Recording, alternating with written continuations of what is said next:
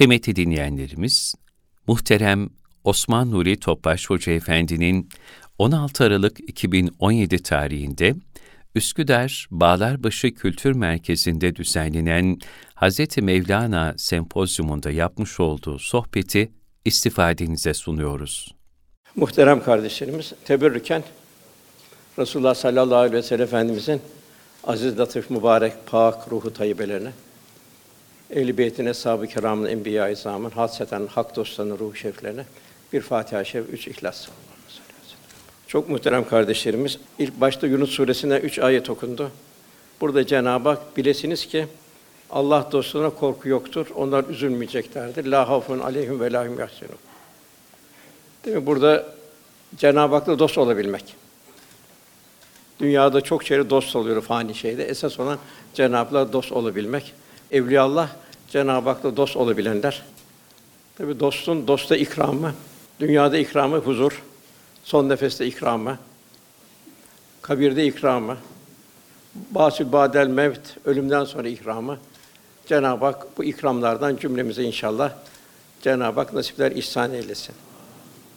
Diğer okunan ayette de Cenab-ı Hak bir sevgi verecek. Demek ki dostlarına bir sevgi veriyor. Dostlarını bütün insanlar seviyor. Hatta hatta mahlukat da seviyor. Yani hayvanat da seviyor. Cenab-ı Hakk'ın bir ikramı olmuş oluyor. Efendim mevzumuza geldiğimiz zaman bugün e, Mevlana Celaleddin Rumi Hazretleri ile insanlar vardır. Nefse emmarenin eseridir. Onlar yaşarken bir mazi olmuştur. Çalışmışlardı boşuna Cenab-ı Hak buyuruyor. Amiletün nasibe ömürlerini ziyan edenler. Niçin dünyaya geldi? Kimi mülkünde yaşıyor? Geliş niye, gidiş niye? Farkında olmayıp nefislerinin girdabında helak olanlar. Diğer tarafta insanlar vardır ki asırlar önce yaşamış olmalarına rağmen gönüllerde hayat başlayan nefesleri ve eserleriyle bugün bile diptirildiler. Üzerine ne kadar zaman geçse geçsin onlar asla mazi olmazlar. Onlar bütün maddi ve manevi varlıklarına Cenab-ı Hakk'a rağm ederek ebedi hayat sırrına nail olan kişilerdir. İşte bunlar hak dostlarıdır. Cenab-ı Hak onlara büyük müjdeler. La hafun aleyhim ve lahim yahsunun. Ben baştan bir hatırayla başlamak istiyorum talebelik devrimde.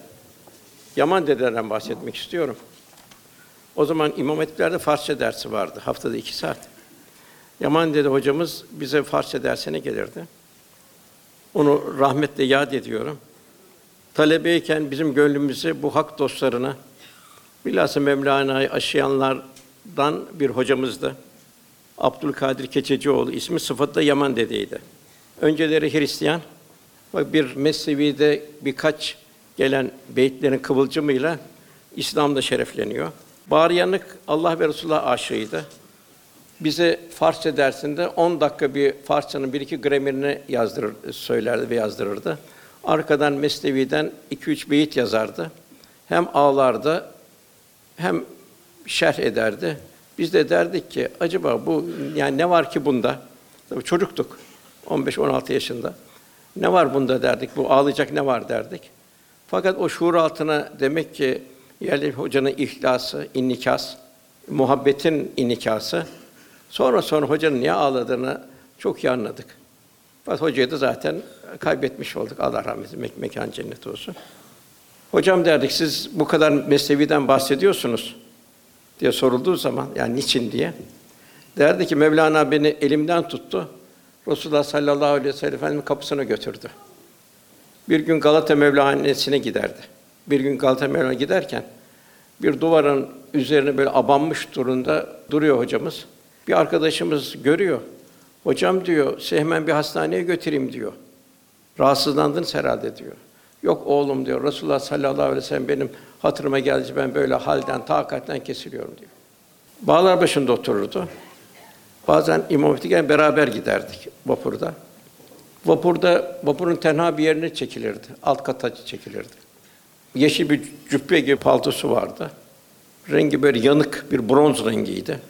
Sanki dünyaya gözü gönlü kapalı, başka bir aleme açık. O şekilde bir tefekkür halinde ikinci mevkinin bodrum katında o şekilde gider. Bazen biz de karşısına otururduk. Hocayı bir seyrederdik. Bize o zaman bu meşhur efendimize olan mısraların da derste yazdırmıştı. O zaman daha basılmamıştı o zaman. Kendi hali bu. Ne devlettir yumup aşkınla göz rahında can vermek. Nasip olmaz mı sultanım haramgahında can vermek? Sönerken gözlerim asan olur ahında can vermek. Cemaline ferak nak etki yandım ya, Resulallah. Bunu okurdu ve ağlardı. Demek ki bir Mevlana aşığı, Mevlana aşığından bizlere olan bir inikas. Yani birbirine tutulmuş aynalar gibi. Velhasıl Yaman Dede 700 sene sonra gelen talebesiydi Mevlana Hazretleri. Biz de onun çömezi durumundayız. Rahmetli validem de çocukken mesnevi hikayelerini anlatırdı. Sonra da bana da dedi ki, oğlum dedi, bana mesnevi hikayesinden birkaç hikaye anlat, için ferahlasın derdi zaman zaman. Yahya Kemal'e soruyorlar, Osmanlı nasıl Viyana'ya kadar gitti diyorlar. Diyor ki, yemek için bulgur pilavını yedi, ruhaniyet için mesnevi okudu. Yani mesnevi halkın manevi dokusuna girmiş oluyordu. Camilerde de üç kitap okuturdu ve şerif sıfatı verildi. Buhari Şerif, Mesnevi Şerif, Şifa Şerif. İşte o hak dostlarının sadaka-i devam ediyor. Rahmetli Selçuk Hoca ile sınıf arkadaşıydık biz. O derdi ki, ya derdi, bak derdi, Eyüp Sultan'a ne kadar dedi, Halid bin Zeyd radıyallahu anh ne kadar misafir gidiyor, ziyaretçi gidiyor. Aziz Mahmud Hüdayi, Yahya Efendi'ye ne kadar gidiyor ziyaretçi. Bize ne kadar geliyor? Acaba biz mi diriyiz, onlar mı diri? Velhasıl bu hak dostları Resulullah sallallahu aleyhi ve sellem Efendimiz'i onun güzide hesabını göremeyenler için tabi olacak mümtaz ve örnek şahsiyetler. İşte bu hak dostlarının kabirleri müminlerin sinirlerinde devam ediyor. Nitekim Mevlana Hazretleri bir rubayisinde ölümümüzden sonra mezarımızı yeryüzünde aramayın. Bizim mezarımız ariflerin gönüllerindedir. Yedi asır sonra hala onun mesnevisinden biz de müstefid oluyoruz. Çok insan da müstefid oluyor. Gayrimüslimler de müstefid oluyor. O da bir calibi dikkat bir hadise. Bazen Mevlana Müzesi'ne yabancılar da geliyor. Soruyor bunlar kim diyor. Diyorlar bunlar da Mevlevi diyorlar. Bunlar ne? E, Hristiyan diyorlar. Peki bu nasıl Hristiyan Mevlevi oluyor? Demek ki onlara bile bir inikas geliyor. Yine 10 sene evvel tahminen Fransa'ya gitmiştim. Orada dediler Grenoble Üniversitesi'nde bir kadıncağız resim hocası herhalde. Bir sufi arıyor. Bir takım soruları var. E, gelsin dedim, buyursun dedim. Kadıncağız geldi. Orta yaşlı bir hanımdı. Dedi ki ben de sufi olmak istiyorum dedi. Siz Müslüman mısınız dedim. Yok değilim dedi. Fakat sufi olmak istiyorum dedi. Nereden sufi olmak istiyorsun dedim. Bir Kuzey Afrika'ya gitmiştim ben dedi. Cezayir mi, Fas mı, Tunis mi oradan bir yere. Bir de çiçek bahçesini geziyordum dedi. Bir an oldu dedi. Çiçekler benimle konuşur gibi oldu dedi. İçime öyle bir şevk, öyle bir ferahlık geldi ki fakat o bir andı. Ben o kaybettim, o anın peşindeyim. Ondan daha büyük bir lezzet olmadı bana dünyada şimdiye kadar dedi. Dedim ki onun sana bir tecelli bu. Bir şey Cenab-ı Hakk'ın bir ihtarı ya ikramı. Sen bir yere davet ediliyorsun. Dedim Mevlana'nın dedim feyz aldığı yer Kur'an-ı Kerim ve Peygamber Efendimiz'dir dedi. Kadın dedi ki o zaman peki İslam nedir o zaman? Onu anlatın bana dedi. Biraz anlattı, kadın durdu durdu. Peki şimdi ben ne söyleyeceğim dedi. La ilahe illallah Muhammed Resulullah diyeceksin dedim. Velhasıl ondan sonra görüşemedik bir daha. Bir sefer İstanbul'a geldi gitti. Sordum onun yakın getirenlere. İmanda sabit midim? Sabit dedi. Evinde dedi annesi Hristiyan fakat domuz eti e, kendisi yemiyor dedi. Dikkat ediyor dedi bazı şeylere. Velhasıl yani ta demek ki bir hak dostu ta uzaklardaki kendine asırlar sonra gelen insanlara mektup gönderiyor.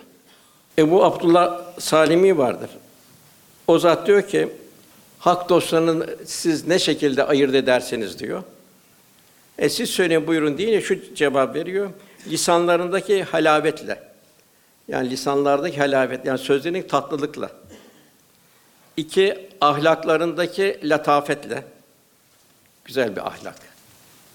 Muamelatındaki, muamelelerindeki zarafetle. Hal ve istikametin takva ile. ilahi kameranın altında olduğunu idraki içinde. Gönül alemlerindeki sahabet ve cömertlikle. Yüzlerindeki beşaret, yani tebessüm ve müjdelecik bir haliyle. Özürleri kabul edişindeki cömertlikle yaratandan ötürü yaratılanlara şefkatlerindeki coşkunlukla. Bunlarla onların hali belli olur diyor bu zat. Ya nasıl fani bedenler asırlardır toprak altında olmasına rağmen hak doğrunun feyiz, ruhaniyet günü eser günümüze kadar gelmişlerdir. Bugünden sonra da nasipli gönülleri irşat ederek diri kalmaya devam edeceklerdir. İşte gönülleri irşat ve ihya vazifesini Cenab-ı Hak tarafından çağlar aşan bir tesasüf bereketiyle ihsan edilen müstesna hak dostlarından bir de Celaleddin Rumi Hazretleri'dir. O evliyaullah'ın derunundaki hikmetlerin tercümanı ve sözcüsü mevkindedir. O bir iman münadisidir, gönül tabibidir. Bir şefkat ve merhamet abidesidir. Gönüllere inşirah veren bir feyz ve ruhaniyet rayasıdır. Onun gönül hizası ve duruni sedası kıyamete kadar gelecek insanoğluna kalbin marazlarını, hastalıklarını değişmez devasıdır. O hak aşıklarının asla eskimeyecek, tesiri daima sürecek bir vuslat davetçisidir. Bu ise özünün ve sözünün Kur'an ve sünnet istikametinde olmasından kaynaklanmıştır. Kendisi der ki men bendi Kur'anem eğer can darem men haki rehi Muhammed'in muhtarem. Bu can bu tende oldukça Hazreti Kur'an'ın kölesiyim. Hazreti Muhammed muhtarı mübarek yolun toprağıyım. Herhalde bu asırlar sonra gelecek kişilere cevap veriyor. Eğer bir kimse benim sözlerimden başka, benim istikametin dışında en ufak bir söz bile nakledici olursa o kişiden de bizarım, onun sözünden de buyuruyor. Yine hadis-i şerifte buyuruluyor.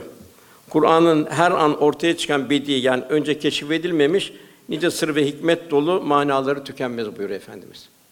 Mevlana da diyor ki zahirine bir okka mürekkeple yazmak mümkündür. İhtiva ettiği bütün sırlar ifade etmek ise sahilsiz deryalar mürekkep, yeryüzündeki bütün ağaçlar kalem olsaydı yine de kifayet etmezdi. Sır ve hikmet tarafına.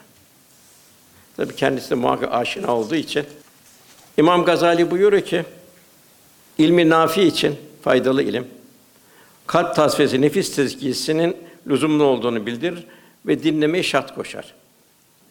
Yani malzeme muhabbet olacak. Onun tezahürü de adap olacak, edeplenme. İlk başta Cenab-ı Hakk'a edep.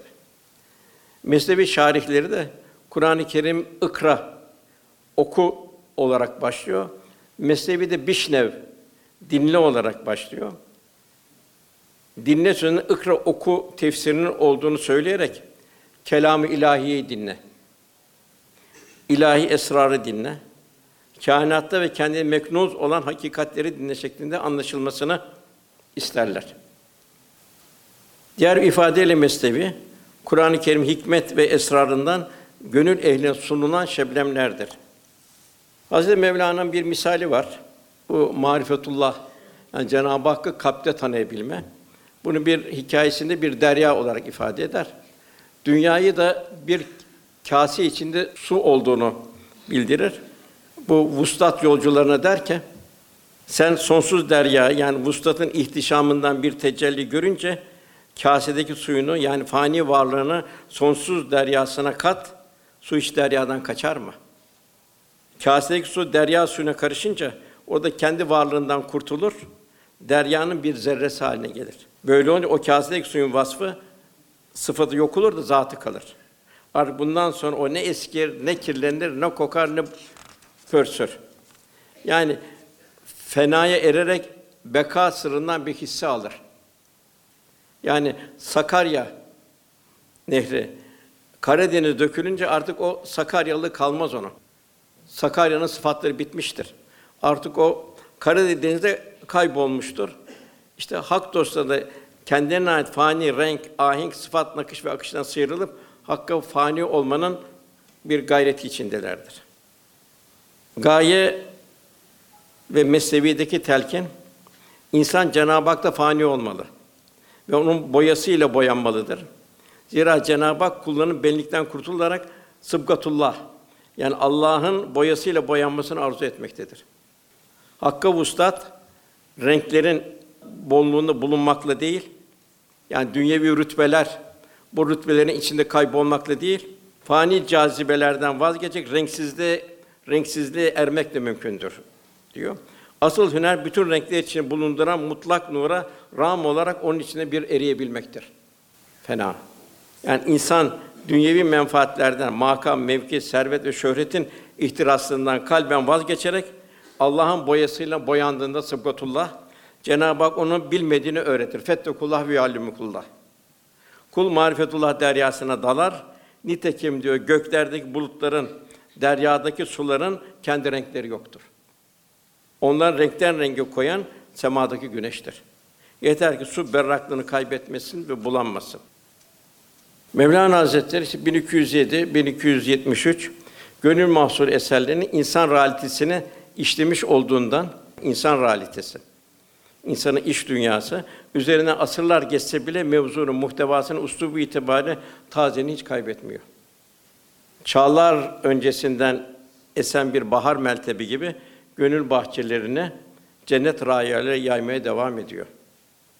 Tasavvufta terfi derecatın en başında enaniyeti bertaraf etme geliyor. En zoru da bu. Nefsin büyük imtihanı. Bu hakkı vuslat yolunu geçirecek ilk ve en mühim merhale budur. Nitekim bu merhaleyi aşarak tevazu ve hiçliğe erebilmek için Aziz Mahmud Hüdayi Hazretleri Bursa'da Kazul Kuzat olduğunda Bursa sokaklarına sırmalı kaftanıyla ciğer sattırıldı. Tamamen dünyevi rütbelerden sıyrıldı. Mevlana Halid Bağdadi Hazretleri'nin ilimde Şemsü Şumus yani güneşlerin güneşiyken Ahtullah Dehlevi Hazretleri tarafından kendisine dergahın tuvaletlerinin temizliği verildi. Altı ay sonra da büyük bir merasimle Abdullah Dehlevi Hazretleri bin dedi, seni atının arkasında göreceğim ben artık dedi. Yunus ilim ilim kendini bilmektir buyuruyor. Yunus Emre Hazretleri dergaha alınmadan evvel dergahın eşiğinde bir ihtilaç yaşatıldı. İmtihandan geçirildi. Herkesin ayak bastığı eşi başı koyduruldu. Bu imtihanda gösterilen muvaffakiyet ve, ve enayet bertaraf ettikten sonra dergahın şeyfi Tapduk Emre Hazreti onu eşikten kaldırdı ve dergaha kabul etti. Bahattin Nakşibendi Hazretleri mahlukatın ve insanın geçici yolları temizledi. Hayvanatın dertli hayvanatın, muzdarip hayvanın dert ortağı oldu. Hayvanat dilinden anlar hale geldi. Beni yaratan, onu yaratan aynı Allah. O şekilde o bana zimmetlidir. Yani büyük bir en büyük derecede burada aldım buyuruyor. Sami Hazretleri Kuddüs'ü ruhu Darülfunun'u bitirir. Kendisine bir derviş yaklaşır. Seyfi Baba olduğunu söylerler. Bu derviş der ki, Oğlum der, bak sen güzel bir nasiye der. Temiz bir suret der, temiz bir siret der. Sen bir tahsil yaptın ama bu tahsil kafi değil der. Ben sana bir adres vereceğim der. O adrese git. Orada sana ayrı bir tahsil yaptıracaklar. O tahsil nasıl yaptılar ben onu bilmem. Fakat onun o tahsilin ilk dersine incitmemektir. Yani adab ve edeptir. incitmemek. Nezakettir, zerafettir. Duygu derinliğidir, rıkkati kalptir. Sana buradan başlatacaklar. Seni son dersine kadar getirecekler. O da incinmemektir. Yani kalbinin derya haline gelmesi. Nasıl bir necaset bir damla bir deryaya düşse kaybolur gider ona. O necat bulmak mümkün değil o deryada. İncinmemek. Halik'in nazarıyla mahlukata bir bakış tarzı kazandırırlar. Affın kemaline erdirirler. Cenab-ı Hak zira Allah'ın sizi affetmesini istemiyor mu, istemez misiniz? Bu tecellilere sen mazhur olursun der. Ona bir adres verir, o adrese gönder. Fakat bu dersten bu derse nasıl seni geçirecekler onu ben bilemem de. İşte gerçek tahsil. İlim ilim kendini bilmektir. Velhasıl seyr sulukta önce ben demek bertaraf edilecek. Kul nefsini enaniyet veren bütün fani alakadan kurtulacak. Ben demeyecek, ya Rabbi sen diyecek. Senin lütfun diyecek. İşte tasavvufta her şey bu hiçlik halinin idrakiyle başlamış oluyor. Şems-i Tebrizi büyük ve meşhur bir alim olan Mevlana Celaleddin Hazretleri'ne sır ve hikmetle aleminden bir kıvılcım attı. Mevlana o kıvılcımın cezbesine kapılarak Şems'e rağm olmak istedi. Şems ona en başta belliğinden vazgeçmesini de ısrar etti. Onu olmadan olmaz dedi. Divan-ı Kebir'de Mevlana Şems olan hadisini şöyle anlatır. Şems Mevlana'ya der ki, alimsin, başsın, rehbersin, saltanat sahibisin dedi. Yani sende ilmin getirdiği her şey var dedi. Ben var dedi. Mevlana da dedi ki, sana ram olduktan sonra artık zahiri alemin bir alimi de başı da değilim, rehberi de değilim. Onlar artık arkada kaldı, geride kaldı. Senin yaktığın meşalenin aydınında akıl ötesi bir alemde fakir ve garip bir seyyahım artık. Artık azimin ve hiçliğimin idrakiyle hakikat yolunun rehberi değil, bu yolun turabıyım, abd aciziyim dedi. Şems tekrar dedi ki ona, sen de hala akıl hesapları var. Bu sebeple henüz bir manevi alim mahremi değilsin dedi. Yani bu mahrem, bu hikmet ve esrara onu idrak edecek durumda değilsin demek istedi. Mevlana dedi ki cevaben, bundan sonra akli hesaplarım geride kaldı. Himmetine artık bu marifetullah aleminin mahremiyim ben. Sır ve hikmetlerin kapısını teslimiyetle çalmaktayım. Şems yine senin dünya hesabı var dedi. Cihana yayılmış şöhretim var dedi. Onları unutmuş değilsin dedi. Dolayısıyla bu sırlar alemin dışındasın. Bu alemi aydınlık akıldan ziyade bu yolun rehberi aştır. Önünü göremiyorsun daha dedi. Bundan sonra Mevlana Şems'e dedi ki, bundan himmetine baştan başa ben ateş kesildim. Her yanım aşk, vecd ve istigrak kapladı. Bu aşk ateşiyle senin vesilenle yolumun ufukları açılıyor. Şems bu sefer dedi ki, sen bir cemaatin meşalisin, önde gelenisin. Senin yükseklerde, zirvelerde, senin zirveler yükseklerde dedi. Mevlana ise bundan sonra artık meşalem söndü. Gözümde dünyevi makam ve mevkinin aynı ateş böceklerinin yanıp sönen pırıltılarından bir farkı kalmadı. Artık ilahi meşalenin aydınlığında yürüyorum cevabını verdi.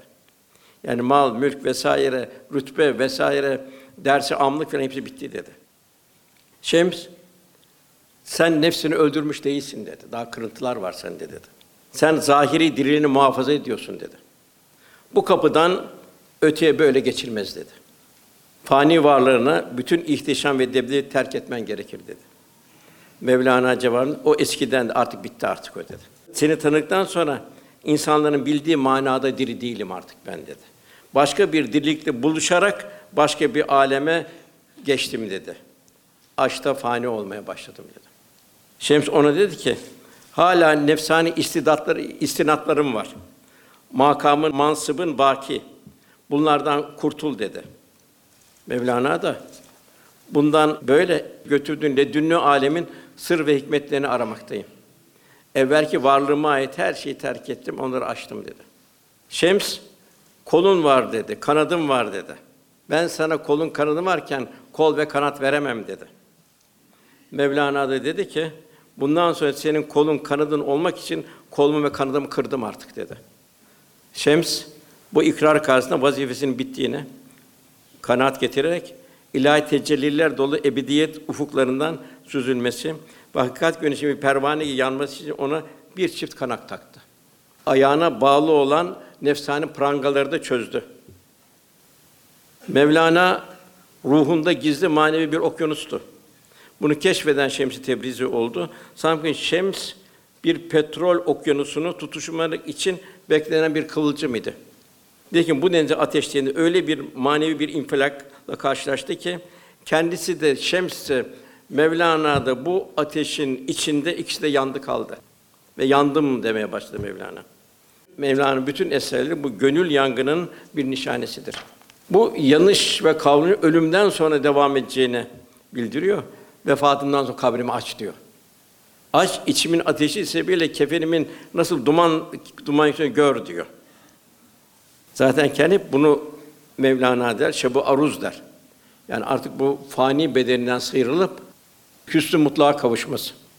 Mevlana Hazretleri Mesnevi'si Hüsamettin vesile kaleme almış ve ben diyor Hüsamettin'in idrakine söyledim diyor. Hatta Hüsamettin'e zeki mana, zeki suret diyor. Hoşuna gidiyor. Onunla şey bu gittiği zaman susuyor. O geldiği zaman tekrar devam ediyor. Fakat kim bilir Şems-i Temrizi'yi kaybetti zaten. Nasıl bir gönül mahsulü eğer olsaydı nasıl bir çok daha ötelere gidecekti diyorlar Mesnevi şerhlerinde. Nitekim Mevlana Hazretleri ilahi aşk ile kavrulan bir gönlün arayışı içinde kaldı devamlı. E, bu kamil insan hasretiyle alakalı şöyle bir misal verdi. Bu o insanın arayışı kamil insan. Daima şemsi aradı. Diyor ki şeyinde hikayesinde yani mücerreti müşahhas hale getiriyor. Bir gece vaktiydi, evimden çıktım, kırlarda geziyordum. Bir adamcağızın elinde fenerle dolaştığını gördüm. Bu, bu gece karan ne arıyorsun dedim. Fenerle. İnsan arıyorum dedi. Ona dedim ki boş yere yorulma dedim. Ben yurdumu terk ettim. Yine onu bulamadım aradığımı. Git evine yat rahatına bak. Nafile arıyorsun. Onu hiçbir yerde bulamayacaksın dedim. Adamcağız bana acı acı baktı. Bulamayacağım ben de biliyorum ama yine aramaktan zevk alıyorum. Onu beni yalnız bırak. Hiç yoksa onun hasreti bile bana zevk veriyor. Onun hasretinde bile arayışında bir lezzet buluyorum dedi. Tabi Mevlana bu şemsi kaybettikten sonra büyük bir hicran yaşar.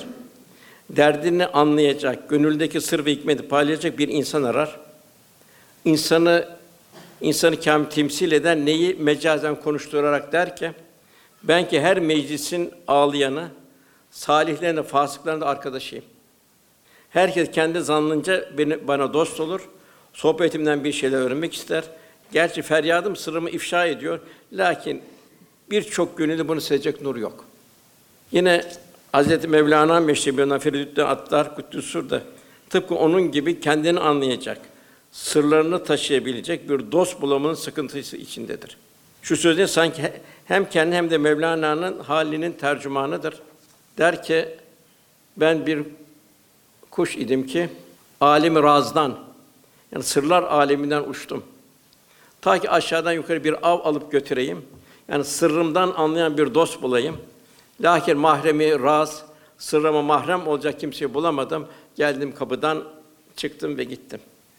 Nitekim yine İmam Hatip hocamız mütefekkir Nurettin Topçu ondaki deruni halleri layıkıyla idrak edebilme konusunda insanın eksi aziyeti içinde olduğunu ifade kabilinden şöyle der Mevlana için.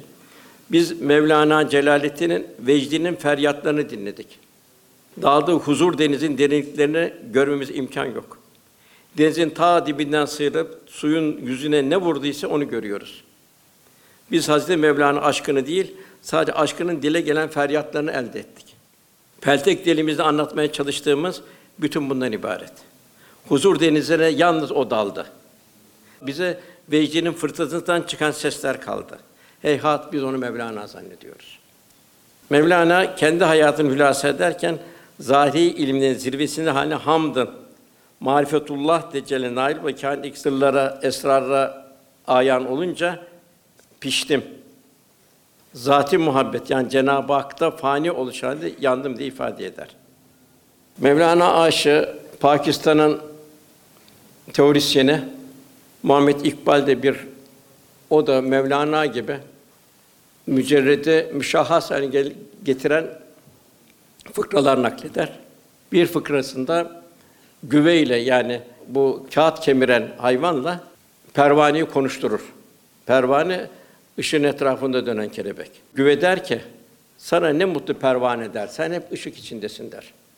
Ben ise der artık bu filozofların der, Farabi'nin der, Yunan filozofların kitaplarını kemire kemire artık hep karanlıkta kaldım der. Sen ne iyisin der. Bak hep ışıkta dönüyorsun der. Pervane de der ki, güve sen ona benim kanatlarına bak der. Bak der ben bu ışık etrafında kanatlarımı yaktım der.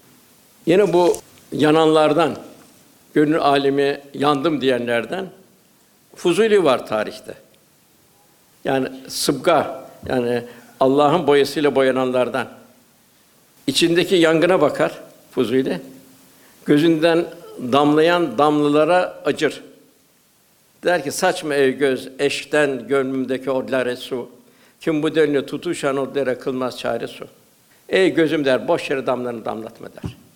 Damlayan, çünkü sen senin damlaların der, gözümden gelen bu damlalar der, bu der aşkı söndüremezler. Bu yangını söndüremezler. Yine bir gül bahçesine bakar. Hemen Allah Resulü'nü hatırlar gül bahçesinde. Güllerin şahı Allah Resulüdür. Suya virsün baban gülzarı zahmet çekmesin. Bir gül açılmaz gün tek virse bin gülzare su. Bin tane diyor gülü diyor solasan diyor. Bin tane gül emek versen sen böyle bir gül edemezsin ey bahçıvan diyor. Böyle boş yere uğraşma diyor. Hep o gülü arıyor. Güllerin şahını arıyor. Yine suya bakar. Suyuna çarpa çarpa gidişin akar o akar suyun. O orada der ki haki payine yetem der. Ömürlerdir muttasıl başına daştan daşa urup gezer avare su der. Sanki o suyun akışı Resulullah Efendimiz ayağına gitmek için bir telaşe. Onun gönlünü o aksediyor. Yani herkes kendi gönlündekini görür. Kendi gönlündekini seyreder. Ebu Bekir Efendimiz kendi gönlündekini seyretti. Efendimiz hayran durumundaydı. Yanında bile hassetti. Ebu Cehil, Ebu Leheb de kendi kalplerinde o katırını görüyorlardı. Yani velhasıl kalp görür, göz ancak bir gözlük vazifesi görür. Yine Esad Erbili Hazretleri içini düşü aşk yangını içinde yana yana her şeyde bir ateş gelir. İçindeki bu ateş inikas eder. Tecellayı cemalinden Habibimle bahar ateşler. Gül ateş, bülbül ateş, sümbül haku har ateş devam eder. Her yeri bir gönlündeki o ateş her tarafı inikas eder. Kendisi o ateşin içinde kalır. Kalsam ateşler, kaçsam ateşler vesaire. Bunlar hep yangınlar, manevi yangınlar. La havun aleyhim ve lahim yahsunun. Onlar korkmayacaklardır, onlar üzülmeyeceklerdir. Abbasi halifesi Harun Reşit cariyesi bakar büyük bir kalabalık toplanmış bir yerde. Hayrola kim geliyor der. Derler ki Abdullah bin Mübarek geliyor Horasan'dan. Şehir boşalır. Cariye der ki gerçek sultanlık işte bizim Harun'un sultanlığı değil. Harun'un sultanlığı jandarma ile devam ediyor, polis de devam ediyor. Gerçek sultanlık buymuş der. Velhâsıl bu yüzden insanlık daimi Abdülkadir Geylani, Bahattin Nakşibend, Yunus Emre, Hüdayi Mevlana, emsal hak dostlarının muhabbet kucağını özlerler. Zira o zatlar, o arif zatlar bir tamirhaneye aletin bozu götürülür hükmünce mücrimlere kanadı kırık bir kuş gibi şefkat merhametleri nazar ederler. Gönül dergahlarını onu, onları gönül dergahlarından alır ihya ederler. Bütün dünya nimetlerine daha kıymetli bir sade vesile olurlar. Ebu Said bin Ebul Hayra olduğuna işaret eden bir dörtlük vardır. Bunu Mevlana'ya da izafe ederler. Orada o baza baza her en çehesti baza ger kafir o gebro put peresti baza in dergeh ma dergeh nöbidi nist sadbar eğer tövbe şikesti baza. Bu mücrimlere, kalbi kırıklara, yalnızlara, kimsizlere, hidayet bekleyenlere baza baza gel der, dön de gel der. Ne olursan yine gel der. Ben seni o şeyine bakmıyorum der. Kafir mevcut putperest olsan da gel. Zira bizim dergahımız olan İslam bir ümitsizlik dergahı değildir. Yüz kere tövbeni bozsan yine gel. Öyle bir gönlü, öyle bir alem ki kendisi diyor ki Şems diyor bana bir tek şey öğretti. Bak o bir tek şey için her şey onun içinde. Eğer bir üşüyen varsa Celalettin sen ısınma hakkına sahip değilsin dedi. Ben dedim ki düşündüm evet dünyada üşüyen var. Ben artık ısınamıyorum. Demek ki nereden nereye gidiyor? Yani bir gönül alemi nerelere kadar bir tek üşüyen varsa ısınma hakkına sahip değilsin dedi. Ben de artık ısınamıyorum dedi. Bir gün dergahta hakkı bulmak için bir sarhoş geliyor, giriyor. Mevlana bir iki sefer sema ederken çarpıyor. Birkaç müddet hemen bunu atalım dışarı diyor. Ya diyor o diyor içmişsiz sarhoş olmuşsunuz diyor. O diyor buraya tamir olmaya geldi. Demek ki bir insana bakış tarzı. Bir mücrimi bir yaralı kuş gibi kabul etme. Onu tedavi etme. Yine ılgın kaplıcalarına gidecek. Hemen hamam telaş ediyor, cüzdanını çıkartmaya Hemen cüzdanın içine giriyor Mevlana. Ağlamaya başlıyor cüzdanlılar. Gerçek hümanizm nerede? İşte bilhassa bugün dünyanın hasredin çektiği hakiki insan sevgisi. Peki böyle bir merhametin bir şey var mı? Yine bu Mevlana Buhari'de bir hadis-i şerif var. Cabir şöyle anlatıyor. Allah Resulü'nün kapısına gittim diyor. Kapıyı çaldım diyor. Kim o buyurdular diyor. Cevaben ben dedim diyor. Allah Resulü ben lafzını kullanmama razı olmadı. Çünkü bende kibir ve azamet var diyor Cabir. Hazreti Mevlana da şu kıssayı şöyle anlatıyor. Kalbi yanık aşık yarın kapısını tıklattı. Ancak kimsin sualine benim deyince yar git seni içeri girme zamanın değil. Daha sen hamsın dedi. Böyle manevi nimetler sahasında ben diyen ham ruhlara yer yoktur dedi. O mücerreti müşahhas hale getiriyor. O zavallı kapıdan döndü ve bir sene seferde bunu yarın firak ve iştiyak kıvılcımı tutuştu, yandı. O yanık aşık içi toparlayarak, yandırarak, pişirerek geri döndü. Tekrar yarın hanesine gitti.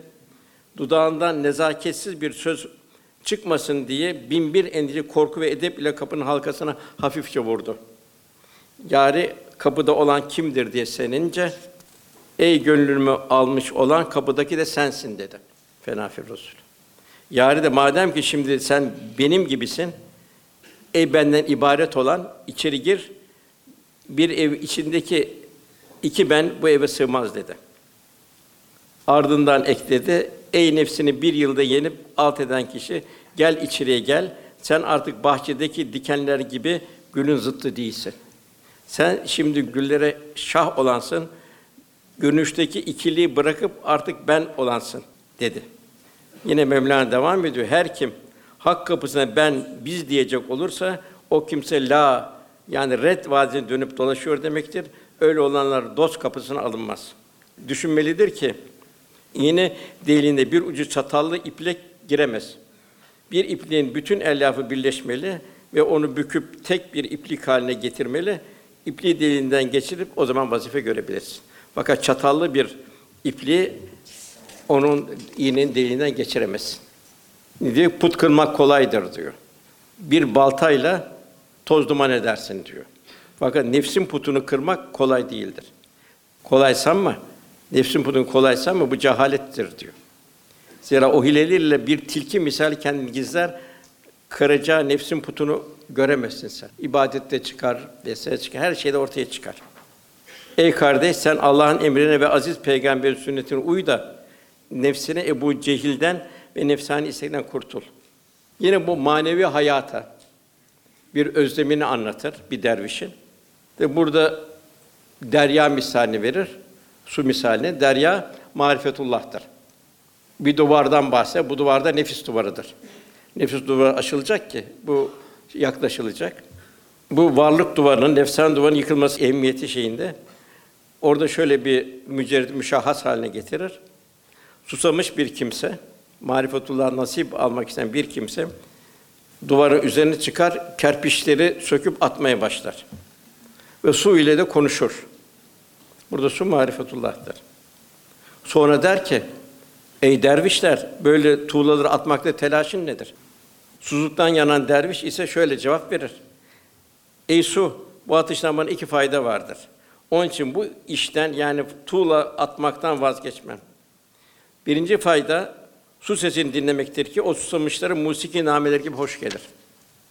Yani maneviyattan gelen sırlar ve hikmetlerin şey sesi. Yine diyor derviş devam ediyor suya deryaya. Yine o su sesi ölüyü senin tekrar diriliş imkanı veren İsrafil'in suru gibidir. O sudan bana gelen. Yine o ses bahar mevsiminde lisan ayının bereketli yağmurları gibidir.